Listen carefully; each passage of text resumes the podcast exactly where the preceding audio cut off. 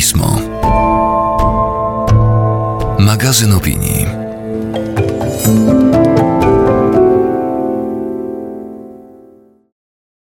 Premiera Pisma to cykl rozmów poświęconych przewodniemu tematowi wydania magazynu. Zapraszamy do debaty ekspertów i ekspertki z różnych światów i pokoleń. Wydarzenie powstaje we współpracy z Fundacją imienia Heinricha Bella w Warszawie. Premierę pisma wspiera kancelaria CMS. Premierę pisma gości studio Teatr Galeria. Napoje w trakcie wydarzenia zapewnia Bar Studio.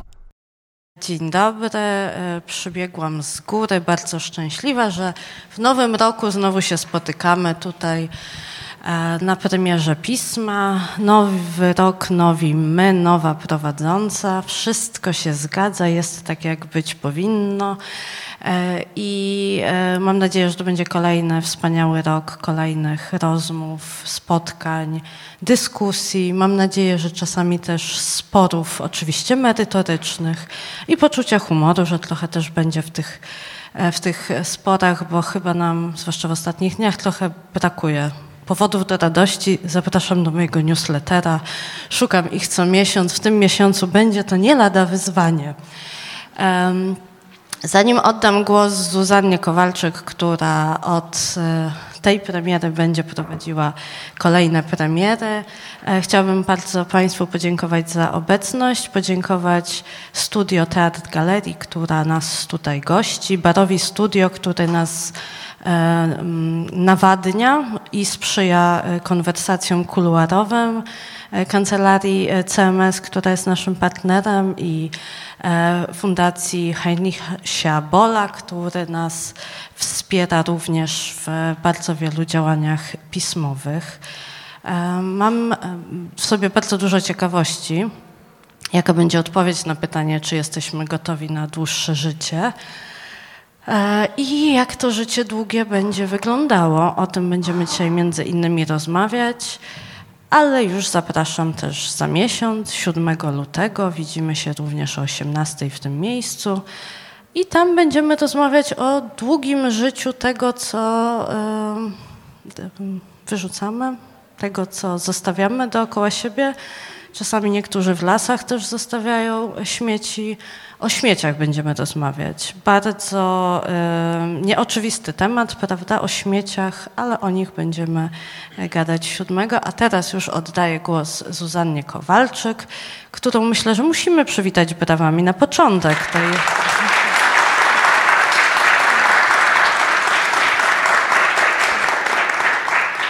Co by się jej raźnie prowadziło pierwszą premierę w tym roku. Bardzo Ci dziękuję i to ja Ci bardzo dziękuję, Magda. Y, dzień dobry. Bardzo mi miło Państwa dzisiaj przywitać z tego miejsca.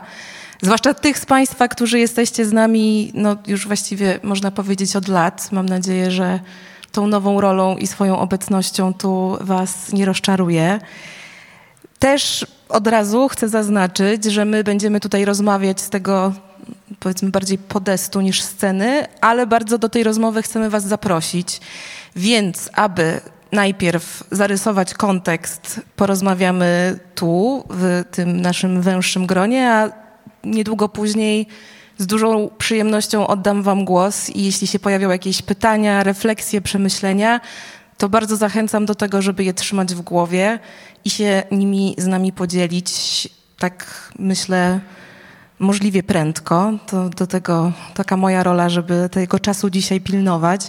I ja nie ukrywam, że się bardzo cieszę, że właśnie ta dzisiejsza premiera w tym nowym, noworocznym otwarciu e, odbędzie się właśnie w takim, a nie innym gronie.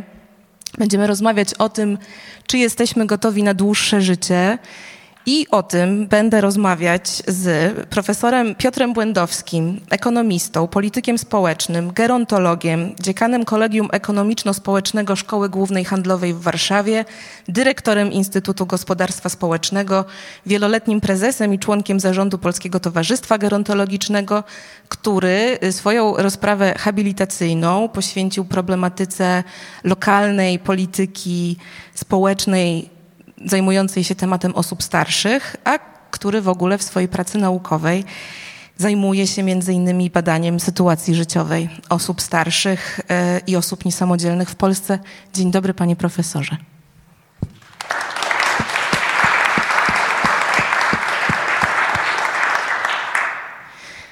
A drugą osobą, z którą dzisiaj będę rozmawiać, jest moja serdeczna redakcyjna koleżanka, którą wszyscy z Was, którzy pismo regularnie czytujecie, doskonale znacie. Karolina Lewestam, etyczka, dziennikarka, redaktorka, członkini redakcji pisma, e, która obroniła doktorat z filozofii na Uniwersytecie Bostońskim, wielokrotnie nominowana do różnych nagród dziennikarskich, autorka książek dla dzieci, takich jak Mała Księżniczka, Silla, a już niebawem również powieści Strażniczka Perły, powieści dla dorosłych, Pamiętnik Magdy Kot, to książka, którą Karolina napisała i wydała razem za nią Masłoń, oraz zbioru esejów Pasterze Smoków, a obecnie, i tu mnie popraw, jeśli się mylę, ale chyba premierowo, mówimy to publicznie, e, że Karolina obecnie pracuje nad nowym zbiorem esejów o tematyce nieprzypadkowej w kontekście dzisiejszego spotkania, bo nad książką dotyczącą starzenia się kobiet, która ukaże się niebawem nakładem wydawnictwa Czarne. Cześć Karolina.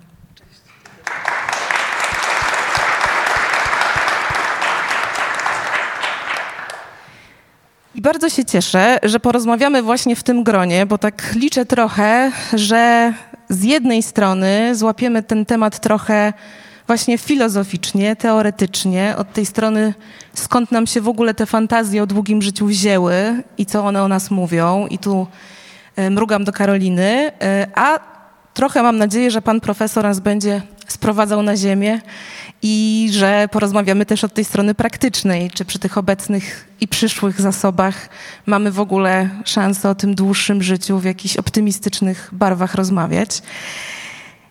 Ale zacznijmy od klasyki. Okładkę styczniowego numeru pisma namalował dla nas Karol Radziszewski i myślę, że większość z Państwa już rozpoznała, do jakiego bohatera literackiego ta okładka nawiązuje. Mm, I pomyślałam, że właśnie od Doriana Greya zaczniemy, e, a dokładniej od powieści Oscara Wilda, portret Doriana Greya. I chciałam zacząć od krótkiego fragmentu, który nam trochę może zarysuje wstęp do tej rozmowy. Niejaki Lord Henryk, bohater tej książki, mówi tak. Jest pan cudownie młody, a młodość jest jedynym dobrem godnym posiadania. Ja tego nie czuję, Lordzie Henryku. Tak, teraz pan tego nie czuje, ale kiedyś, gdy pan będzie stary i brzydki, gdy myśl z marszczkami porysuje panu czoło, a namiętność ohydnym żarem spali usta, wtedy pan to odczuje.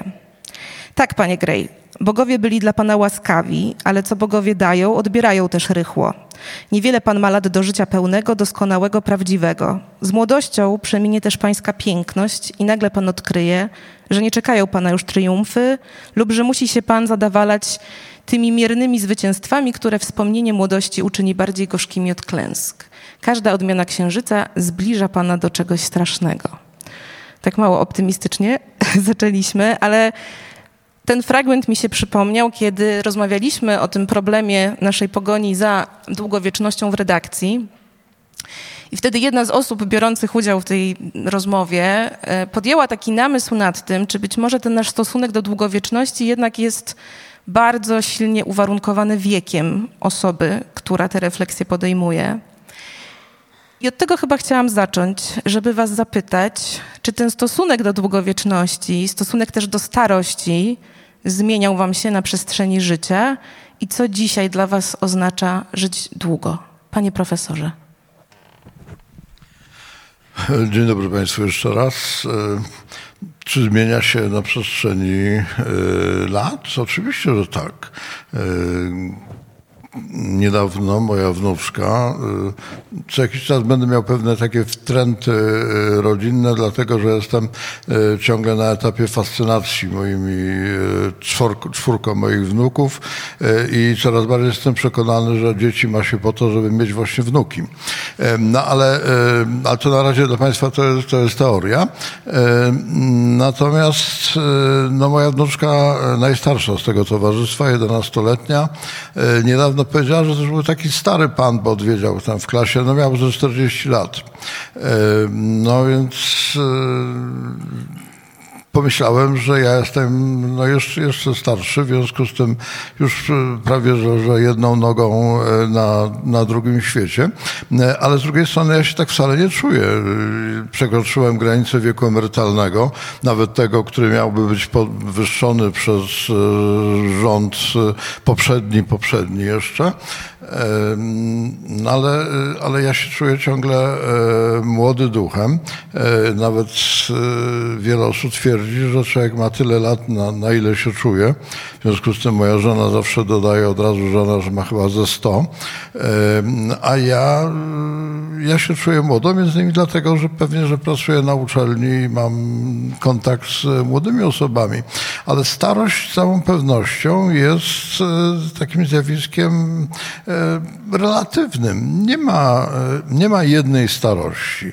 E, mówimy o starości społecznej, czyli o pewnych rolach, no ale dzisiaj e, znamy przypadki, że w wieku 60 lat można być już doświadczonym dziadkiem e, albo, albo młodym ojcem, prawda?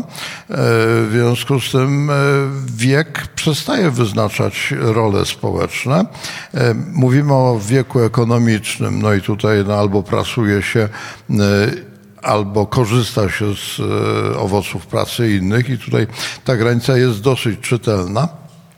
No ale wiek biologiczny, e, dwie osoby w tym samym wieku wcale nie muszą e, być tak samo zaawansowane biologicznie. Jedna może być w lepszej kondycji, a druga wręcz przeciwnie. Więc mamy, mamy różne, różne granice i chyba wiele zależy od tego, jak do starości się nadstawiamy, bo tak patrzę jeszcze raz na ten tytuł, czy jesteśmy gotowi na dłuższe życie e, i to, co mi pierwszym momencie przyszło do głowy, to dopytanie, czy jesteśmy gotowi na dłuższe życie swoje czy innych, e, bo to nie jest to samo. E, w związku z tym mm, ja bym chciał, żebyśmy starość traktowali jako zjawisko takie bardzo, bardzo względne, relatywne i nie szukali granic, takich sztywnych granic starości. Tak, bo rzeczywiście starość jest to już wyszło z tych naszych rozmów, że zakreślenie jednej granicy właściwie jest niemożliwe. I jest to rzeczywiście pojęcie bardzo względne, więc może ty masz, Karolina, zupełnie inne spojrzenie niż pan profesor. Jestem ciekawa, jak ty na to patrzysz w takim razie. No, dla mnie ta starość y, kiedyś była czymś takim absolutnie przerażającym i czymś obcym. Jest coś takiego, co kiedyś nazwałam sobie ślepotą podróżną, tak? że jak są jakieś procesy, w których uczestniczymy, bardzo często będąc na jednym etapie tego procesu, nie, nie myślimy, nie dopuszczamy do siebie y, tego, że będziemy na tym kolejnym etapie. I ten kolejny etap wydaje nam się zupełnie inną planetą. I dla mnie to była taka inna planeta, której się bałam. Tak? Ona była straszna, ona się wiązała z, z chorobami. Ja żyłam w ogóle jako dziecko w domu pełnym ludzi starych. I mój ojciec był o wiele starszy, i moi dziadkowie mieszkali z nami, więc ta starość była i zarazem blisko fizycznie, i nieprawdopodobnie daleko mentalnie. To znaczy nie, nie identyfikowałam się z nią i bałam się jej. A teraz wiesz, jak y, zbliżam się ku niej coraz bardziej, y, to mam takie wrażenie pewnej miękkości w tej starości i ona mnie chyba tak przyjmuje. Oswajasz ją. Tak, oswajam ją i mam wrażenie, że płynie z nią niesamowicie wiele różnych y, pozytywów, który, z których nie zdawałam sobie sprawy kiedyś.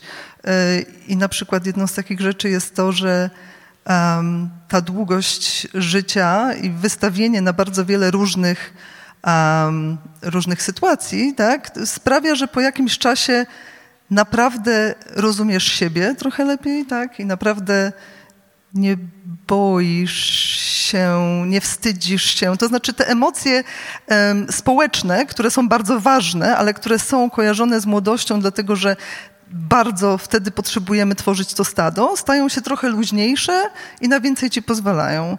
I mam wrażenie, że jeżeli tak to będzie szło, to ja nawet jestem z tym okej. Okay. To tak jak słyszę, w jaki sposób teraz o starości zaczęliśmy mówić, to mam wrażenie, że nie mówimy tylko o życiu długim, ale mówimy przede wszystkim o życiu sprawnym i jakoś sprawczym. To są takie dwie kategorie, które w kontekście wydłużania życia wydają mi się jakoś istotne. No i teraz może od tego w ogóle zacznijmy, od samej idei wydłużania życia w takim razie, bo, bo na razie powiedzieliśmy o tej starości i o w ogóle życiu tu i teraz, a to życie cały czas nam się statystycznie w tym społecznym wymiarze wydłuża. To jest taka książka, którą napisał profesor Andrew J. Scott i profesor Kalinda Gratton, nazywa się Nowe Długie Życie. I oni podają e, bardzo dużo różnych badań związanych z tym, jak ta nasza demografia się zmienia. I piszą między innymi, że ludzie w wieku powyżej 100 lat to najszybciej rosnąca obecnie grupa demograficzna na całym świecie. Od ponad stulecia najwyższa oczekiwana długość życia wzrastała w imponującym tempie 2 do 3 lat na dekadę. Sugeruje to, że średnio każde pokolenie żyje o 6 do 9 lat dłużej niż poprzednie. W rezultacie dwudziestoletni Amerykanin dzisiaj ma większą szansę na posiadanie żyjącej babci niż dwudziestoletni Amerykanin w 1900 roku miał na posiadanie żyjącej matki. To, że nam się społeczeństwo weszło w fazę starzenia, to wiemy. Rzeczywiście też ten proces coraz bardziej przyspiesza, więc zacznijmy może w ogóle od tego, czy z jednej strony Waszej opinii to wydłużanie życia jest taką wartością samą w sobie, że po prostu warto to robić, bo tak? Czy jednak jest to taki jakiś atawizm, taki trochę instynkt przetrwania, e, który powinniśmy poddać takiej głębszej refleksji, właśnie wiedząc to, że ten proces cały czas się pogłębia? A z drugiej strony, no właśnie, skoro się pogłębia, to czy w ogóle widzimy dla tego procesu jakieś granice, jakieś ograniczenia, jakieś punkty końcowe? No to jest y, właśnie bardzo dobre pytanie, tak? No bo z jednej strony, jak myślimy sobie o tym, czy należy przedłużyć ludzkie życie, pierwsza odpowiedź jest oczywiście należałoby to zrobić. Ale właściwie dlaczego należałoby to zrobić? No to już jest zupełnie inne pytanie i bardzo trudne, tak? Dlaczego z jakiej paki, za przeproszeniem, tak, jakby te dodatkowe lata, które ja przeżyję, miałyby mieć w ogóle wartość, no nie? Tak jakby obiektywną samą w sobie. Y, no i są jakieś sposoby na to, żeby, żeby tą wartość uzasadniać. Tak? Można być, nie wiem, y, myśleć o tym w kategoriach jakichś tam utylitarystycznych i mówić, że człowiek jest nie wiem, maszyną do przeżywania szczęścia. Im więcej szczęścia na świecie, im więcej przyjemności na świecie, tym lepiej. W związku z czym jakby nie ucinajmy tych, tych lat, dajmy tym ludziom przeżywać to szczęście. E Oczywiście jakby można e, mówić o tym w różnych kategoriach. Być może to, że to życie mi się wydłuży, tak, sprawi, że komuś będzie później gorzej, bo ja zabiorę z sobą więcej miejsca, nie wiem, zużyję więcej zasobów, tak, więc ten argument nie jest może taki wystarczająco dobry.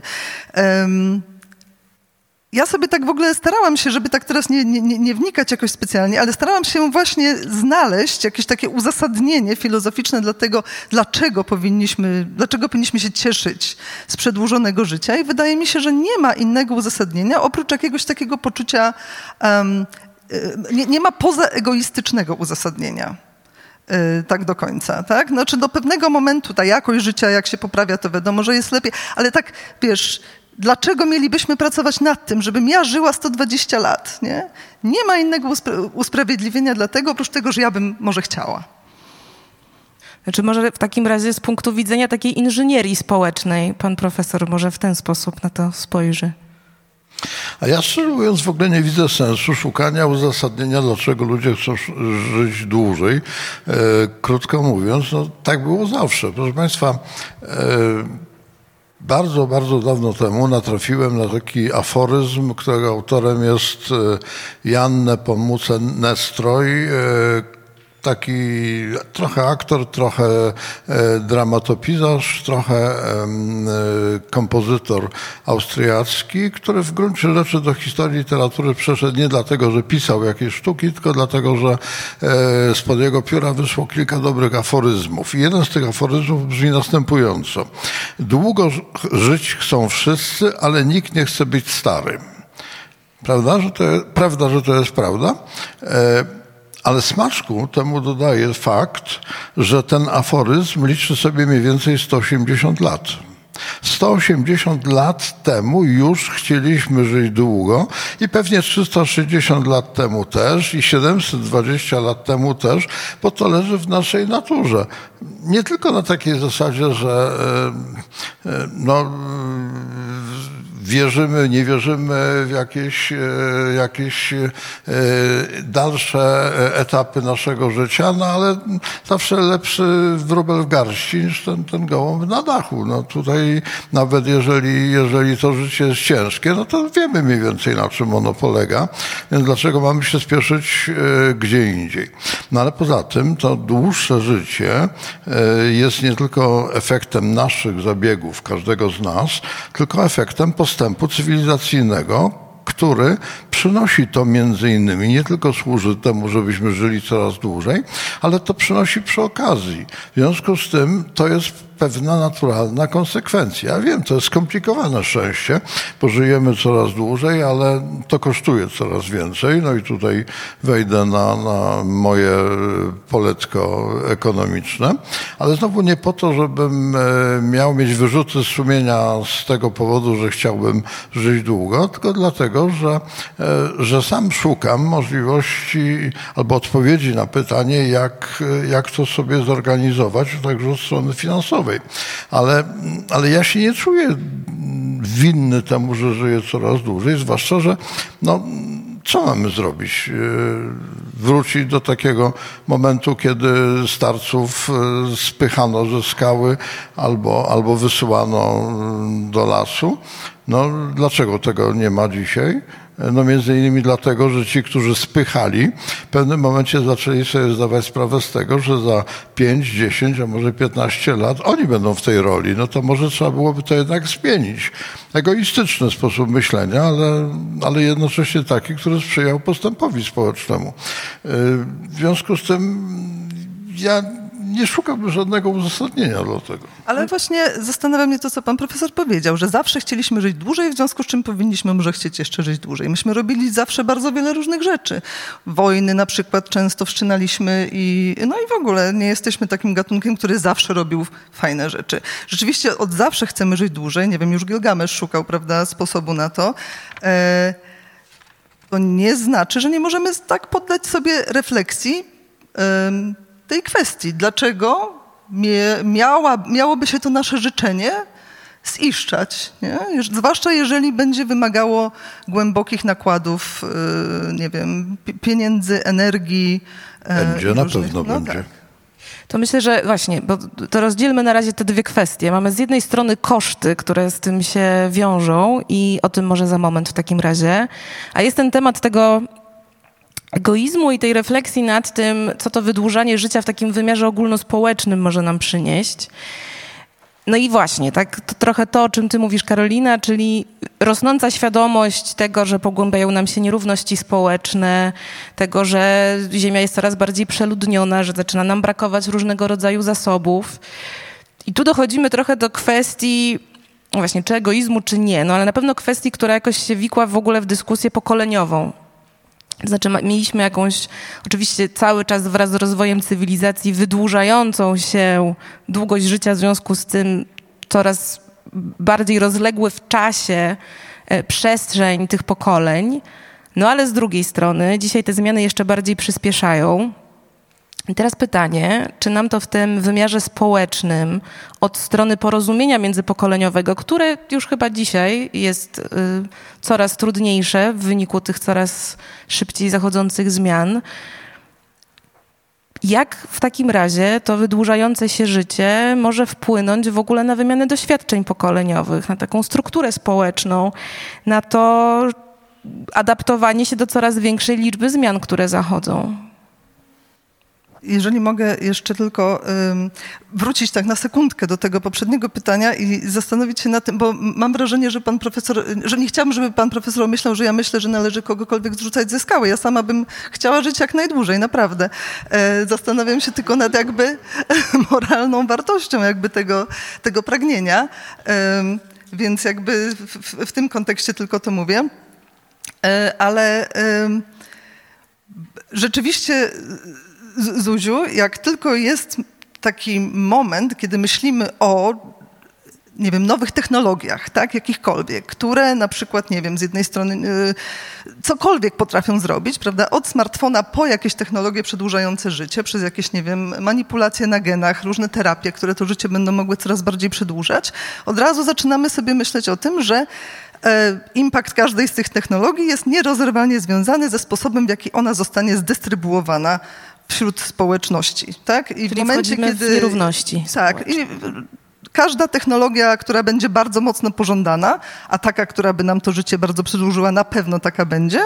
Um, no, będzie takim naprawdę trudnym y, przykładem na to, jak, jak te nierówności społeczne bardzo mocno y, no, no, pogłębiają się. No, tak jest, wiesz, no, w tej chwili już mamy ten problem, że ludzie, którzy mają więcej pieniędzy i, y, i lepszą sytuację społeczną i większy kapitał kulturowy już trochę dłużej żyją, tak, dlatego że są w stanie się sobą porządnie zająć, ale w momencie jak będzie, wyobraźmy sobie tak, no nie wiem, dla dla jasności obrazu, dla jasności eksperymentu po prostu myślowego, że to jest pigułka, tak, która kosztuje strasznie dużo pieniędzy i jak ją weźmiesz, będziesz mogła żyć 20 lat dłużej.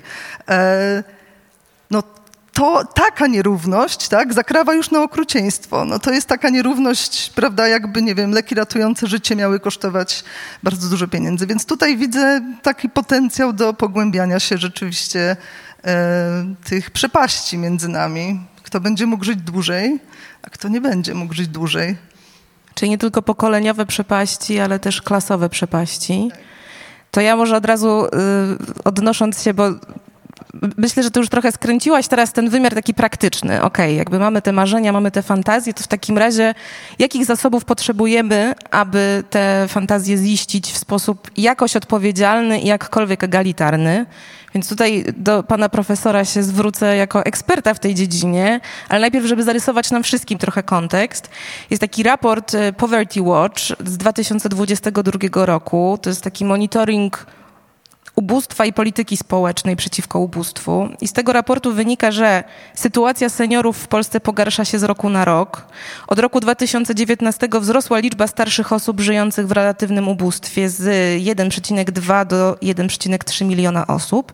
Stale rośnie też udział seniorów wśród osób korzystających z pomocy żywnościowej. Prognozy wskazują, że trend ten będzie postępował, a jakość życia, zwłaszcza na starość, jak wiemy, jest dość zasadniczo sprzęgnięta z jakością dostępu do opieki zdrowotnej i w ogóle opieki, też samodzielności w tym życiu. I ja tak myśląc właśnie o tym takim podstawowych problemach, które mamy z tym problemem starzejącego się społeczeństwa w obliczu, w obliczu wydłużania się tego życia, wygrzebałam z jakichś archiwów wywiad, w którym pan profesor w 2012 roku, to jest wywiad z Tygodnika Powszechnego, mówił to było ponad 10 lat temu, że przy okazji debaty na temat wieku emerytalnego e, już nawet nie powinniśmy mówić o demograficznej katastrofie, ale o demograficznym tsunami. A przecież katastrofa i tsunami to coś, co nie tylko sieje zniszczenia, ale też nie daje się przewidzieć. Tymczasem mówiąc o starzeniu się społeczeństwa, mamy na myśli proces, o którym wiemy od kilkudziesięciu lat.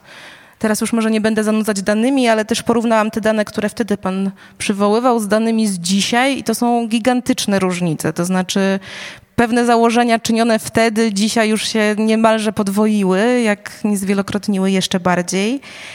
To czy skoro już 10 lat temu podkreślał Pan, że to jest proces, więc możemy przewidzieć różne skutki, no to pytanie, na które trochę odpowiedzi się spodziewam, ale rozwiniemy tę odpowiedź. Czy przewidzieliśmy te skutki, czy się przygotowaliśmy na te konsekwencje i na to, co to wydłużające życie w wymiarze społecznym nam może dać. A tośmy, to znaczy kto? Politycy czy, czy naukowcy? Społeczeństwo pewnie, które tych polityków wybiera, świadomość społeczna, eksperci też. No, myślę, że rzeczywiście zasadne uzasadnienie, doprecyzowanie, ale w możliwie szerokim wymiarze. Dobrze, proszę Państwa, chcia, przede wszystkim chciałbym Państwa uspokoić, że to nie jest tak i nie będzie tak, że Państwo połowę swojej pensji y, będą musieli przeznaczać na to, żeby dokarmiać głodujących staruszków w przyszłości. Takiej sytuacji nie będzie i proszę się tym nie martwić, dlatego przede wszystkim, że to, y, że mamy tych starszych osób w każdym społeczeństwie coraz więcej, to nie jest zasługa tego, że człowiek w wieku 60 lat zaczyna się drapać po głowie i zastanawiać, co by tu zrobić, żeby być zdrowszym i dłużej żyć, tylko nasza starość to jest coś, na co pracujemy przez całe życie. Od wczesnego dzieciństwa, nawet wtedy, kiedy jeszcze nie zdajemy sobie sprawy z tego i albo traktujemy starość jako coś zupełnie naturalnego, albo, albo boimy się tych starych ludzi, ale, ale już wtedy zaczynamy po prostu przygotowywać się do naszej starości.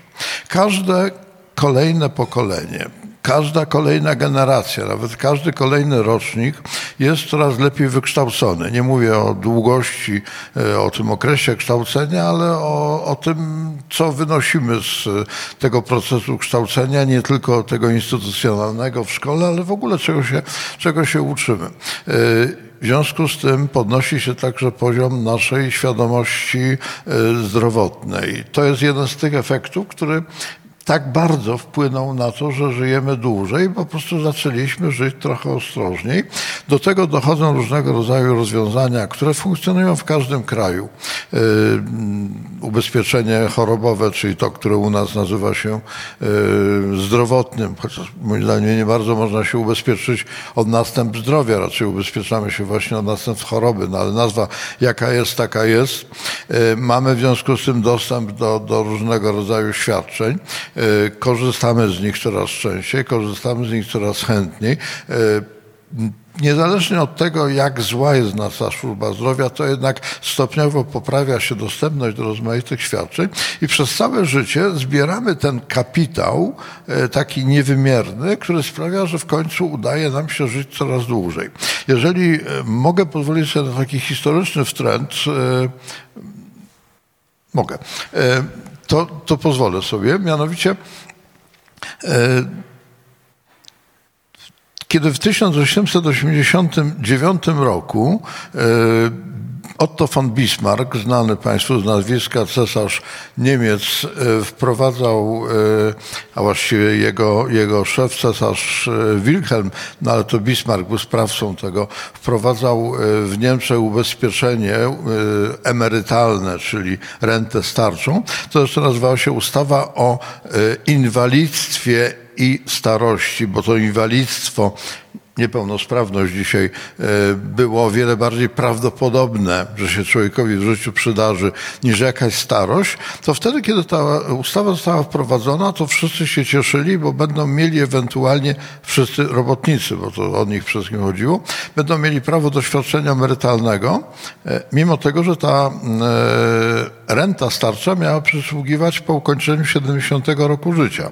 Dzisiaj się boksujemy, czy 60 lat to jest wiek emerytalny, czy 65 czy może 67, wtedy było 70, nikt nie protestował. Tyle tylko, że kilka lat później e, niemieckie statystyki pokazywały, że przeciętna e, długość życia mężczyzny e, w Niemczech wynosiła wówczas 45 lat. Więc mało kto dożyło do tego 70 roku życia, ale cechą ludzką jest nadzieja. W związku z tym oni mieli nadzieję, że jednak im się uda coraz więcej dożywało, bo w międzyczasie te inne warunki życia i pracy uległy poprawie. W związku z tym jeszcze raz wracam do tego, że my pracujemy na starość przez cały czas. I teraz, e, teraz jest kwestia e, tego, czy, czy możemy sobie jakby na to e, pozwolić, e, mając świadomość tego, co nas czeka. Pani pytała o zmianę w strukturze, e, no to pozwolą Państwo, że, że, że podam dwie liczby. E, pierwsza jest taka, że już dzisiaj w naszym społeczeństwie 19,5% stanowią osoby wieku 65 lat i więcej. A według mm, niekorzystnych, ale moim zdaniem bardzo prawdopodobnych prognoz e, Europejskiego Urzędu Statystycznego, w roku 2060 odsetek osób w wieku 80 lat i więcej w Polsce będzie jednym z najwyższych w Europie, będzie wynosił 14,3%. Co siódma osoba. Raz, dwa, ja już siebie nie liczę, trzy, cztery, pięć, sześć, no pana wypadło. E, to pokazuje, no wyobraźcie sobie, wychodzimy na ulicę i co siódmy Polak ma 80 lat albo więcej. To ja dorzucę tylko, że według prognoz GUS-u w 2050 roku osoby mające 60 lat i więcej to już będzie około 40% społeczeństwa. Tak jest i dlatego to, do czego musimy sobie teraz, e, e, do czego musimy się zabrać, to jest uczciwa dyskusja na temat tego, jak tego rodzaju ciężar udźwignąć. Nie czy, bo, bo tutaj nie ma właściwie alternatywy, tylko jak to zrobić, jak temu podołać. No to właśnie, to jak temu podołać? To znaczy, z jakimi brakami takimi, myślę, czysto infrastrukturalnymi się teraz najbardziej mierzymy? Wyobrażam sobie, że możemy teraz jakby przez najbliższe trzy godziny rozmawiać o tym, co nie działa i czego brakuje, ale gdybyśmy takie mieli wskazać najbardziej palące wyzwania, które pan już 10 lat temu, pan profesor, dostrzegał, i nadal nie są dostatecznie uważnie zaopiekowane, nadal nie podeszliśmy do nich odpowiednią uważnością i starannością, to jakie to by były obszary takie właśnie na poziomie działań systemowych? Znaczy ja bym, ja bym powiedział, e, mając też na siebie, e, siebie na, na uwadze, że przede wszystkim trzeba inwestować w staruszków, ale rozsądnie inwestować. To znaczy my mamy e, taki dosyć stereotypowy, jednostronny obraz starości.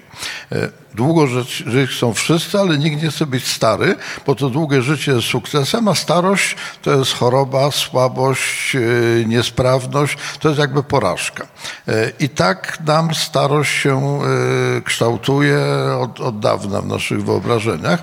Tymczasem, skoro tych osób starych jest coraz więcej i one żyją coraz dłużej, no to siłą rzeczy ta grupa ludzi starych no, musi być wewnętrznie bardzo zróżnicowana. Jeżeli przybywa nam 6 czy 7 lat do życia, to one nie przybywają w okresie młodości, ani w okresie, ja bym wiele dał, żeby to było jeszcze teraz w tym moim wieku, ale, ale tak się nie da. To przybywa na samym końcu życia.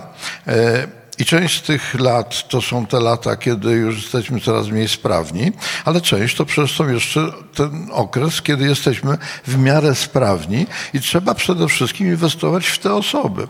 Państwo słyszeli na pewno takie e, pojęcie Uniwersytet Trzeciego Wieku. To traktowane coś u nas jako synonim e, takiej innowacji społecznej i bardzo dobre e, rozwiązanie, e, bo te osoby uczestniczące w zajęciach uczą się nowych rzeczy, lepiej podobno rozumieją świat. Mówię podobno, bo to moim zdaniem nie jest związane z uniwersytetem jako takim, e, ale przede wszystkim one tam nawiązują e, nowe kontakty społeczne, odbudowują sieci społeczne, które w międzyczasie zostały mocno poszarpane. Bo zmarł małżonek, e, bo część osób z tego pokolenia już odeszło, bo dzieci wefrunęły i to nie tylko do innego miasta, ale, ale często i do innego kraju czy na inny kontynent, człowiek zostaje sam. Ten uniwersytet pomaga w związku z tym w takiej odbudowie. No i te uniwersytety są przedstawiane jako pewna forma rozwiązania problemu, ale ja specjalnie dzisiaj jeszcze rano spojrzałem do y, moich notatek i do rocznika statystycznego. Proszę Państwa, mamy w Polsce 640, y, no powiedzmy już teraz 650 uniwersytetów. Y, przeciętnie w tych uniwersytetach jest, uniwersytetach jest około 160 osób. To daje nam z grubsza trochę mniej jak 100 tysięcy osób.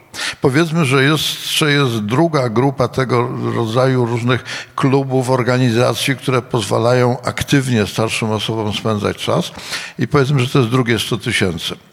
Razem to jest 200 tysięcy. Liczba osób w wieku 65 lat i więcej w naszym kraju, to jest ta druga liczba, którą miałem podać, wynosi prawie 7 milionów 400 tysięcy. Czyli ci, którzy mają możliwość korzystania z tego rodzaju, różnego rodzaju, inicjatyw, tego rodzaju inicjatyw, to, są, to jest właściwie no, taka, taka śmietanka śmietany. To, to, to, to jest bardzo mała grupa. A co z całą resztą? Tu chodzi o to, żeby te osoby zaktywizować, żeby jak najbardziej odsunąć w czasie ten moment, kiedy tracimy tę e, samodzielność, bo większość osób starszych w końcu zaczyna mieć ją ograniczoną, no ale im później to nastąpi, tym mniejsze koszty za sobą pociągnie, a te koszty nie wiążą się tylko z tym, że e, trzeba zapewnić odpowiednie środki, świadczenia i tak dalej, ale jest pytanie, kto kto tym osobom ma pomagać. W sytuacji, kiedy rodzina wygląda zupełnie inaczej niż 40 lat temu. Pada dzietność, więc też ta liczba opiekunów w rodzinie potencjalnych maleje w kontekście osób starszych. I w sytuacji, kiedy, y, kiedy tych pracowników jest coraz mniej. Przepraszam, ja jestem nastawiony na 45 minut, więc już przestaję mówić. Nie, bo dla mnie to, co mówi pan profesor, powiedział pan takie zdanie, człowiek zostaje sam i to mi się wydaje e, kluczowe właśnie w kontekście tego głównego wyzwania, z którym się będziemy mierzyć i już się dzisiaj mierzymy w kontekście takiego lepszego organizowania w ogóle starości. Jedna rzecz to ta kwestia ekonomiczna, prawda? Czyli tego, że coraz większe jest obciążenie na tę grupę społeczną, która nadal pracuje, a z drugiej strony no właśnie, spadek dzietności, większa presja na opiekę mniejszej liczby członków rodziny starszymi jej członkami, w związku z czym wracamy trochę do tematu pokoleń. Ty też, Karolina, zahaczyłaś o nierówności, więc zanim oddamy głos Państwu, to domknijmy te nierówności i te pokolenia, bo dla mnie ja sobie też wypisałam zdanie, które zresztą cytują też e, Scott i Gratton w tej książce, które mnie tak uderzyło i dla mnie to jest właśnie tej odpowiedzialności trochę. Oni cytują e, szefa Age Labu z MIT, czyli Josepha Colina, który w New Yorkerze napisał takie zdanie, właściwie dwa zdania, że w ciągu ostatniego stulecia zwiększyliśmy długość ludzkiego życia o 30 lat. To największe osiągnięcie w historii ludzkości, a wszyscy potrafimy tylko pytać, czy przez to nie zbankrutuje Medicare. I ja nie wiem jak w waszym przypadku, ale znaczy moja pierwsza myśl była taka i, i bardzo słuszne pytanie. To znaczy y, mam takie poczucie, czy też inaczej, to jest może właśnie pytanie, czy ten rozwój medycyny, rozwój technologii idzie rzeczywiście w parze z refleksją nad tym, jak sprawić, aby to dłuższe życie było życiem dobrym, życiem możliwie dobrze zaopiekowanym, w jakiejś właśnie sprawności i poczuciu sprawczości. I wracamy do tematu nierówności społecznych, czyli tego, czy to nie jest tak, że idziemy w stronę dobrego życia tylko dla bardzo wąskiej grupy.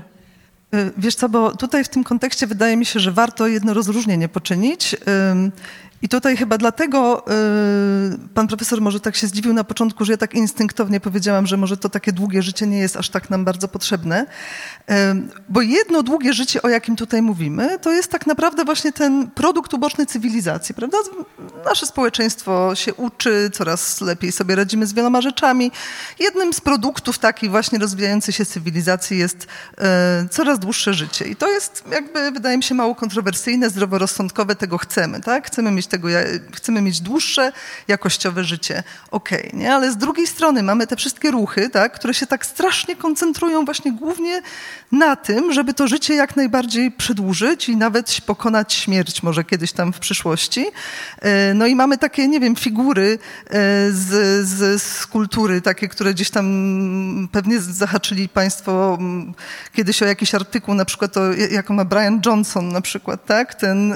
Nawet polecamy w nowym wydaniu magazynu Pismo. Tak. Z... Naszej e, koleżanki redakcyjnej Kasi Kazimierowskiej. Tak, tekst. właśnie, więc on jest y, człowiekiem, który budzi się o czwartej nad ranem, żeby już sobie robić różne, żeby już badać swoją krew, ćwiczyć i w ogóle koncentrować się głównie na tym, jako największym celu jego życia jest jakby to, żeby się ono nie zakończyło albo zakończyło się jak najpóźniej. Um, i taka koncentracja na tym, tak, żeby to życie było takie strasznie długie, taka inwestycja energii i chęci w to, to mnie w jakiś sposób przeraża. Nie? To, że się życie wydłuża jako produkt tego, że mamy, nie wiem, lepsze szpitale albo lepsze sieci społeczne, super, tak? Pytanie jest moje takie, czy naprawdę to przedłużenie życia, no nie, nie jest y, w, w, ta, w tak, na którym jest ktoś tak sfokusowany, tak jak bardzo teraz, no, nie wiem, jest kilka subkultur, które, które mają takie podejście, czy, czy, czy w tym nie ma czegoś takiego wyrodnego, takiego spaczonego I, i, i tutaj tego się boję. Z drugiej strony właśnie to też odzwierciedla ten problem z nierównościami społecznymi, żeby Brian Johnson mógł robić to, co robi, musi być multimilionerem, nie? Czy tam... Mhm. Ale jako gerontolog, e, skoro już zostałem tak tutaj przedstawiony, muszę zaprotestować, e, dlatego że e, jednym z takich ważniejszych celów gerontologii jest coś, co, co używane jest pod takim popularnym sloganie. A zatem chodzi o to, żeby dodać życia do lat, a nie lat do życia. Nie chodzi o to, żeby za wszelką cenę przedłużać czas trwania życia, tylko żeby zapewnić człowiekowi taką jakość życia i taką jego sprawność, żeby on z tego życia mógł, niezależnie co pod tym dokładnie rozumiemy, z tego życia jak najlepiej korzystać. No tak, jest taki słynny cytat z Jacka Londona, który pewnie przytoczę jakoś całkowicie nie tak jak trzeba, ale e, on mówi, że nie chciałby marnować swojego życia na przedłużanie sobie życia, bo to by była całkowita jego marnacja. Powoli zamiast tego żyć, nie? bo do tego został stworzony. Więc wydaje mi się, że takie prawda, skupienie na tym, żeby to życie przedłużać jako na takim ostatecznym celu jest rzeczywiście jakoś tam problematyczne i wydaje się takim e, złym złą kanalizacją energii. No więc właśnie jak mówimy o tym długim życiu, to chciałabym wiedzieć, o czym my mówimy. Nie? Czy mówimy po prostu o tym, że jakby niektórzy ludzie czasami po prostu zbyt przed, nie wiem, przedwcześnie umierają, dlatego że byli chorzy na grypę i nie mamy na przykład y, wystarczającej dobrej opieki medycznej, która by im, nie wiem, wcześniej zareagowała i pomogła im to życie swoje przedłużyć. To jest jedna rzecz, nie? A czy my jako ludzkość marzymy o czymś takim, żeby być nieśmiertelni, tak? Czy my jako ludzkość mamy taki cel, um, żeby tą śmierć pokonać albo ją jakoś całkowicie odsunąć? Czy ona rzeczywiście jest takim naszym największym wrogiem jako taka? A jednocześnie, czy w ogóle wyobrażamy sobie sens z jej wyrugowaniem. No więc znaczy- właśnie, bo tutaj dla mnie są też te pytania dosyć interesujące.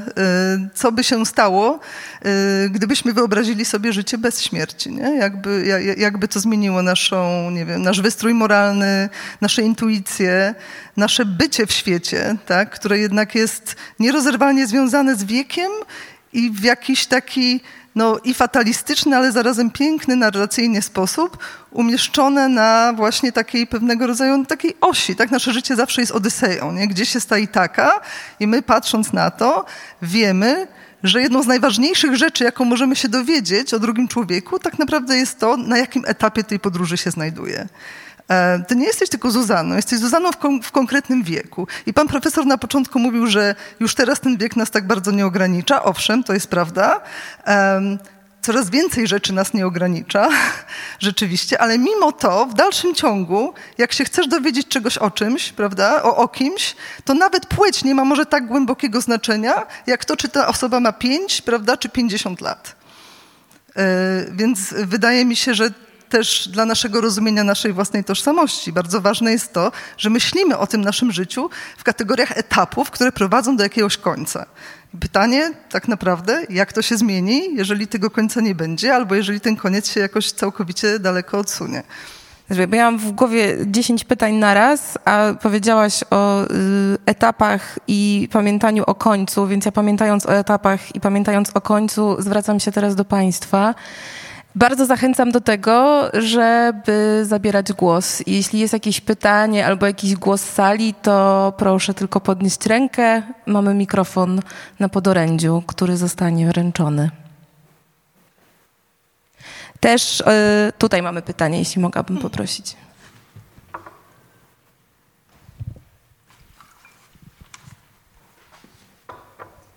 Dzięki.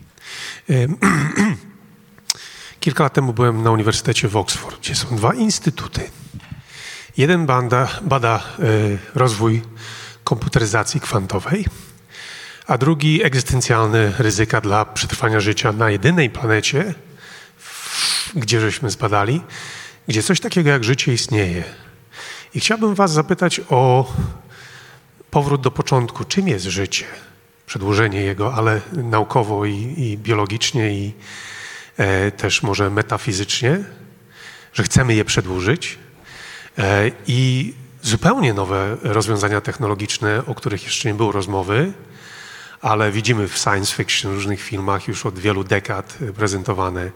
Czy może są jakieś e, skoki kwantowe, które nas oczekują i które te wszystkie problemy mogą lada chwila rozwiązać? Tak, są badane na tych dwóch instytutach w Oksfordzie.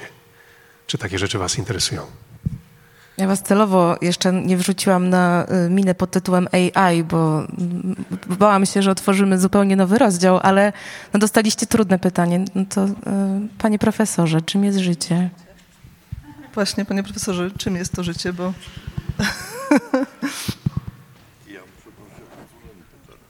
E, no pytanie było takie, tak naprawdę, no przedłuża, chcemy przedłużać życie, tak, ale czym ono tak naprawdę jest?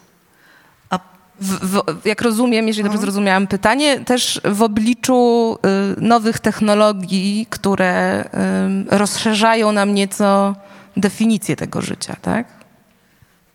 Ale przy, przyznam, że było to pytanie.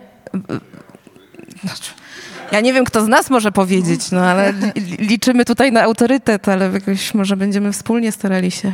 Znaczy, jeżeli mogę też taki może... A nie, czy pan profesor ma jednak jakiś pomysł, czym jest życie? Nie. Dobrze, okej. Y, Bo to, to pytanie wydaje mi się ciekawe w takim kontekście właśnie transhumanizmu, tak? Jakby takiego myślenia o tym, e, czy ludzka osoba będzie miała tożsamość ze samą sobą, tak? Jakby jeżeli stanie się, co już jest, się dzieje, prawda? Na przykład cyborgiem, tak? Czyli jakby cieleśnie rozwinie się tak, że części jej żyć nie będą, nie? Albo czy istota ludzka nadal swoją tożsamość zachowa i dalej można powiedzieć będzie żyła, tak? Jeżeli zostanie uploadowana do chmury i tam będzie można z nią sobie interagować, aczkolwiek będzie ona już wtedy bezcielesna. Czyli czy życie to świadomość? Czy życie to świadomość, tak? Czy życie, o jakie nam chodzi to świadomość? No bo wiadomo, że życie jako takie, no to jest jakiś proces chemiczno-chemiczny, który jest jakoś tam w miarę dobrze opisany i wiemy, że żeby żyć trzeba, nie wiem, wydalać wymianę gazową, prowadzić i jeszcze parę innych rzeczy i to wiemy z biologii. Natomiast właśnie czy to życie, o które nam chodzi, to jest właśnie to nierozerwalnie jakoś związane z tą biologią, czy tak naprawdę możemy sobie wyobrazić ekspansję poza tę biologię. I to by było dla niektórych całkowicie fantastyczne, tak? takie wyobrażenie sobie, że możemy trwać nadal jako świadomość, czymkolwiek jest świadomość, bo to jest kolejna po prostu beczka em, z, Może kiedyś taką premierę tak. zrobimy. Em, Natomiast jakby, no jeżeli tak by było, nie? jeżeli to by był rodzaj przedłużenia życia, no to może w ogóle nasze te pragnienia o przedłużeniu w ogóle powinny mieć zupełnie inny kształt, tak? Nie powinniśmy się zastanawiać tak do końca nad tym, jaki lek najlepszy wymyśleć na raka, tylko może nad tym, jak najlepiej budować infrastrukturę,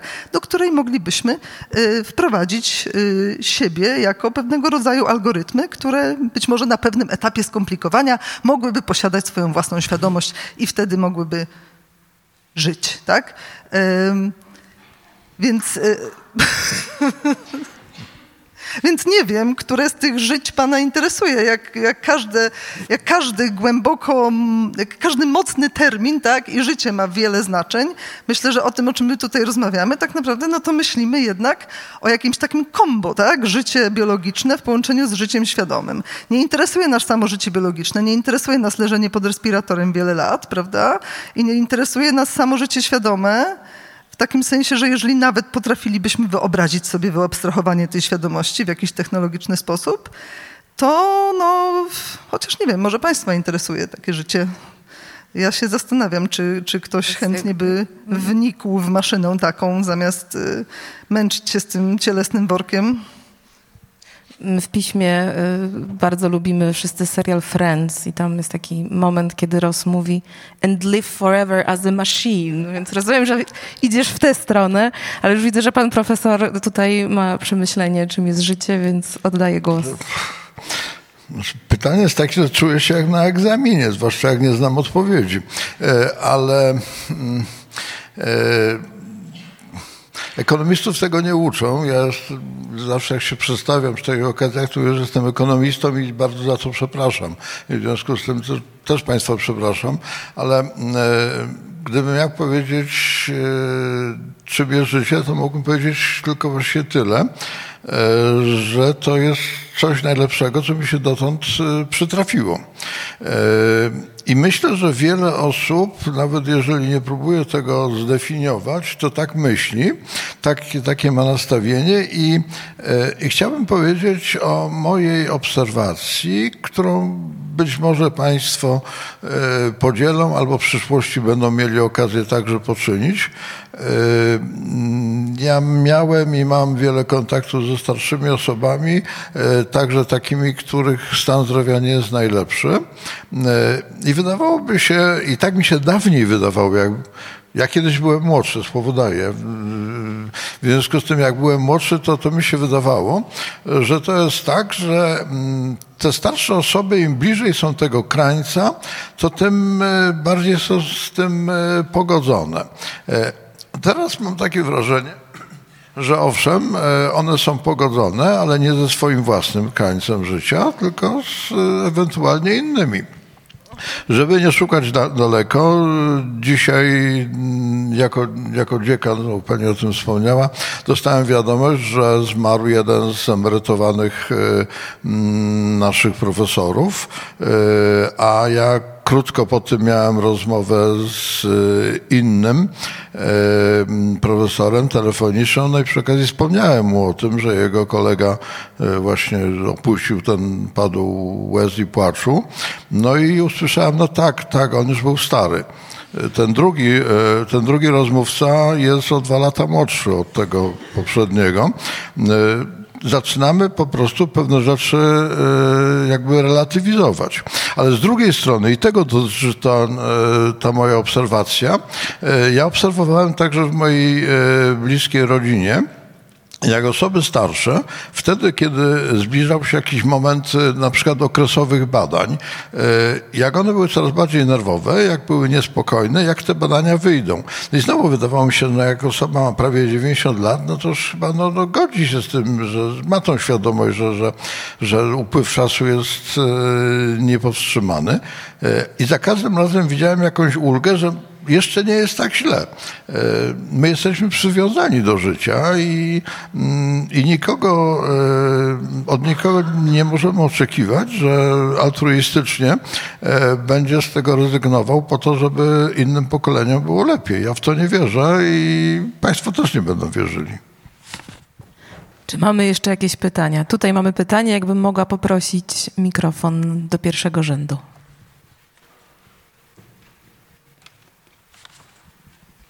Takie pytanie, komentarz do tego, po co żyć długo, to dla mnie to się sprowadza do pytania, po co w ogóle żyć. Tyle. Ale macie dzisiaj pytania no. z sali.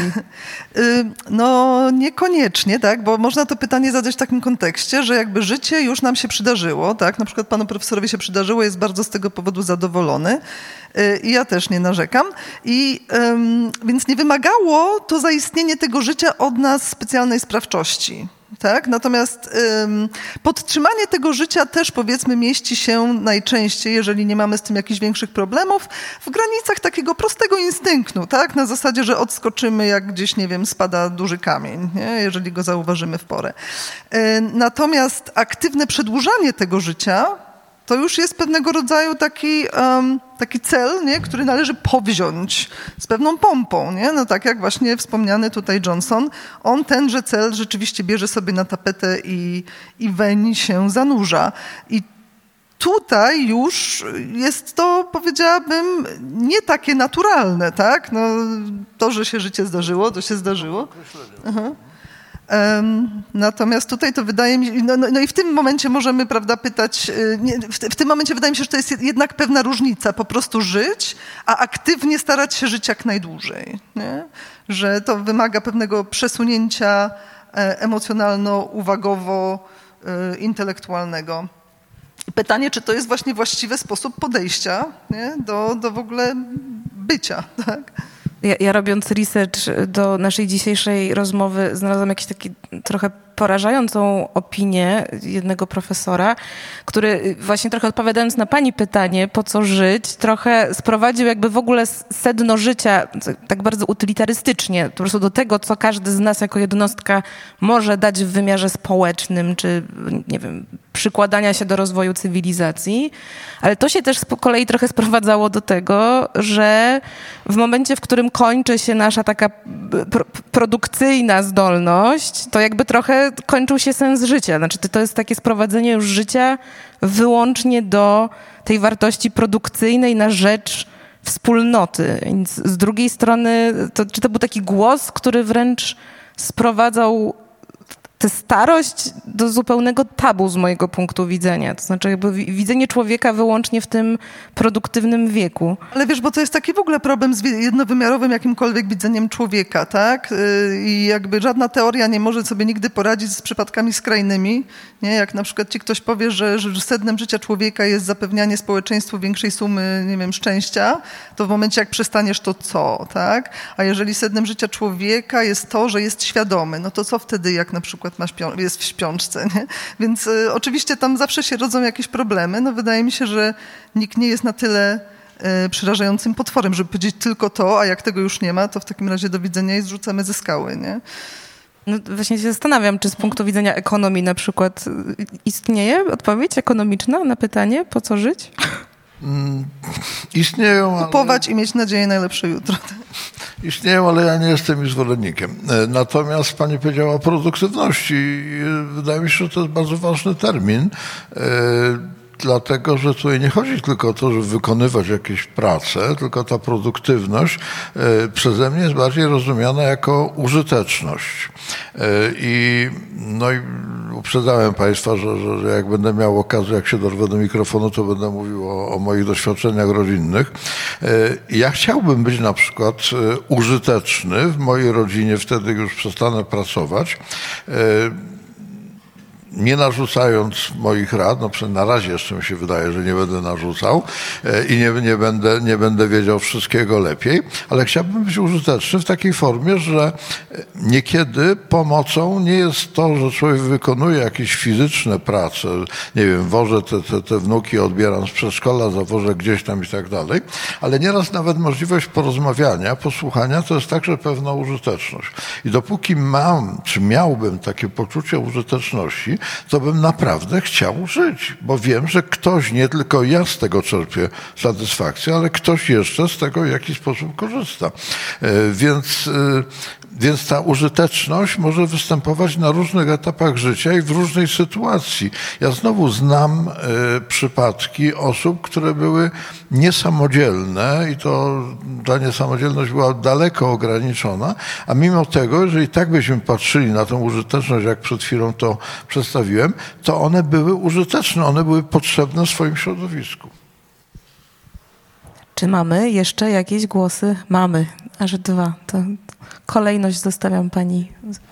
To ja mam takie pytanie, może bardziej przemyślenie, bo tak bardzo tu mówimy o przedłużaniu życia i o właśnie tym, że coraz większa część z nas będzie dożywała tego późniejszego wieku i e, wydaje mi się, że to nieodzownie też będzie znaczyło, że być może w części z nas pojawi się kiedyś, jak już tego późniejszego wieku dożyjemy, że w sumie przeżyliśmy bardzo ładny okres czasu i może byśmy chcieli już zakończyć to życie, kiedy jest, póki jesteśmy zdrowi, póki ta starość nie zacznie nam przynosić więcej chorób. I ja się chciałem zapytać z takiego bardziej, mm, właśnie moje pytanie jest takie, czy no teraz to pewnie jest taka dosyć duża kontrowersja, ale czy w przyszłości na przykład stanie się taki wybór czymś e,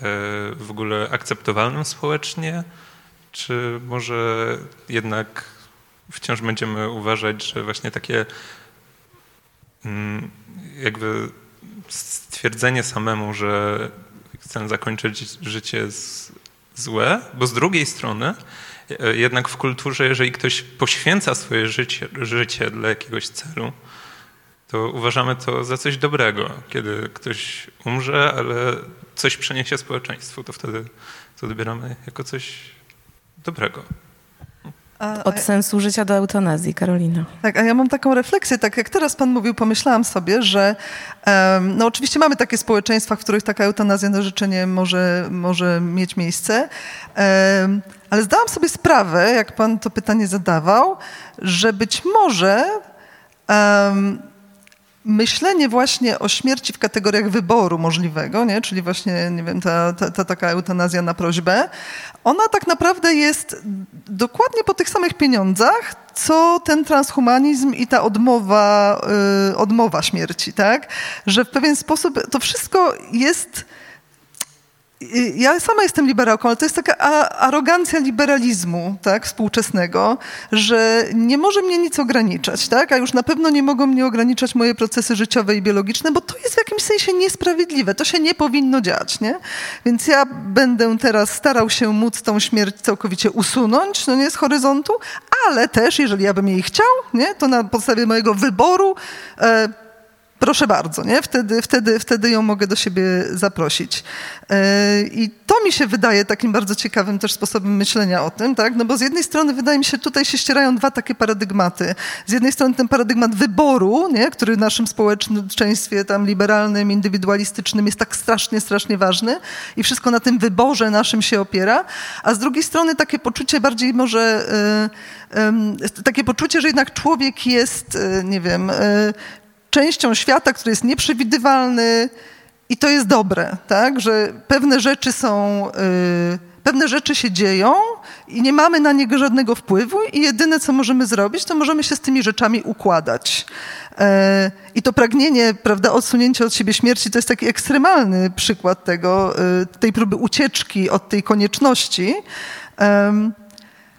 Ale wydaje mi się, że wracając do twojego zupełnie pierwszego pytania, jedną z rzeczy, które się w ogóle jakoś tak bardzo zmieniają u mnie, no nie, w czasie, kiedy jakby sama się starzeję i ku tej starości się jakoś tam zbliżam, to jest to, że zaczynam widzieć um, granice swojej kontroli nad rzeczami i też przestaje mi być z tego powodu przykro, przestaje z tego powodu czuć gniew, tak, że tej kontroli nie mam. E, I w takim sensie um, być może to starzenie się czyni ze mnie tutaj w tym jednym przypadku jakąś taką trochę bardziej konserwatystkę, tak?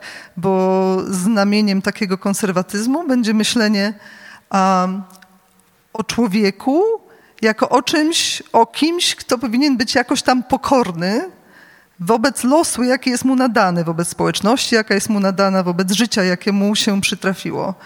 Um, I być może dlatego tak bardzo czasami czuję sprzeciw w sobie, na przykład jak słucham o człowieku, który całe swoje życie poświęca temu, żeby przedłużyć sobie życie, tak?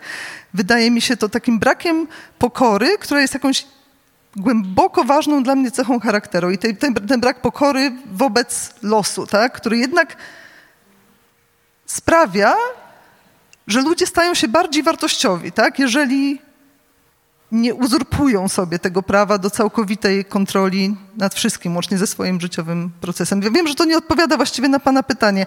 Myślę, że na Pana pytanie odpowiedziałabym tak, czasem niektórzy pewnie już chcieliby umrzeć i pewnie też jest taka sytuacja w życiu, w, życiach różnych ludzkich, że, że człowiek się z tym godzi. Panie profesorze, pytanie o eutanazję. Ja bym powiedział tak, ale. E, a to ale sprowadza się do tego, że jedną z cech e, starości, zwłaszcza tej późnej starości czy długowieczności, e, jest to, że coraz więcej starszych osób podlega rozmaitym procesom demencyjnym żeby móc dokonać wyboru, no trzeba, trzeba mieć jasny umysł. E, jeżeli tej jasności brakuje, to wybór może być podyktowany przez różne czynniki e, przypadkowe, zewnętrzne i tak dalej. I to wszystko przestaje być wtedy takie proste. I mnie się dawniej to też wydawało prostsze i dawniej byłem skłonny powiedzieć tak. E, dzisiaj im więcej wiem o starości, im więcej widzę jej naokoło siebie, e, tym bardziej jestem skłonny postawić przecinek i to ale dopisać. Czyli jednak tak jak słyszę was, to jednak życie jako świadomość w dużej mierze, ale też taka wartość sama w sobie. Mieliśmy jeszcze jedno pytanie. Rafał Pikuła, Spider's Web. Dokładnie. E, dzięki. E, ja mam tak, taką jedną refleksję i też jedno pytanie. Ta refleksja to trochę powrót do tego, o czym rozmawialiśmy na początku. Dla mnie życie to jest e, dotyk, zapach, smak. Więc takie życie, które jest tylko świadomością, dla mnie wydaje się torturą i ja osobiście nie chciałbym być przeniesiony do jakiejś chmury, bo jednak to ciało jest, jest czymś e, potrzebnym do życia. No nawet e, Lord Voldemort e, dążył do posiadania ciała z jakiegoś powodu. I druga kwestia mm, to jest tak, że dużo mówi się o tym, że teraz sztuczna inteligencja zajmie przejmie naszą pracę, dyskutuje się o gwarantowanym dochodzie podstawowym. Mówi się też o tym, że już wkrótce będziemy pracować dużo mniej, więc może tak e, parafrazując trochę to tytułowe pytanie, czy jesteśmy gotowi na dłuższe, ale nudniejsze życie? Jak zapewniać właśnie tę pustkę w takim życiu? Bo też, mm, i to jest takie nawiązanie do tego pytania, bo trochę życie polega na tym, że ono jest takim automatem. Wstaję, idę do pracy, odbieram dzieci, odwożę na basen, w weekend e, jedziemy na zakupy i to nam jakoś pozwala żyć na takim autopilocie. A co jak ten autopilot zniknie? Czy to nie jest taka nieznośna lekkość bytu trochę? Karolina napisała tekst o nudzie dla pisma, więc pytanie o nudę koniecznie muszę do Karoliny odbić. A ja tylko na początku w kwestii formalnej tutaj, bo y, można mówić o tym, że, że życie to jest dotyk, smak y, i powiew wiatru na twarzy, ale jeżeli myślimy o jeżeli myślimy w ogóle poważnie o jakimś tam uploadowaniu się w jakieś tam chmury albo robieniu różnych podobnych rzeczy. O horcruxach. Y, o horcruxach, tak.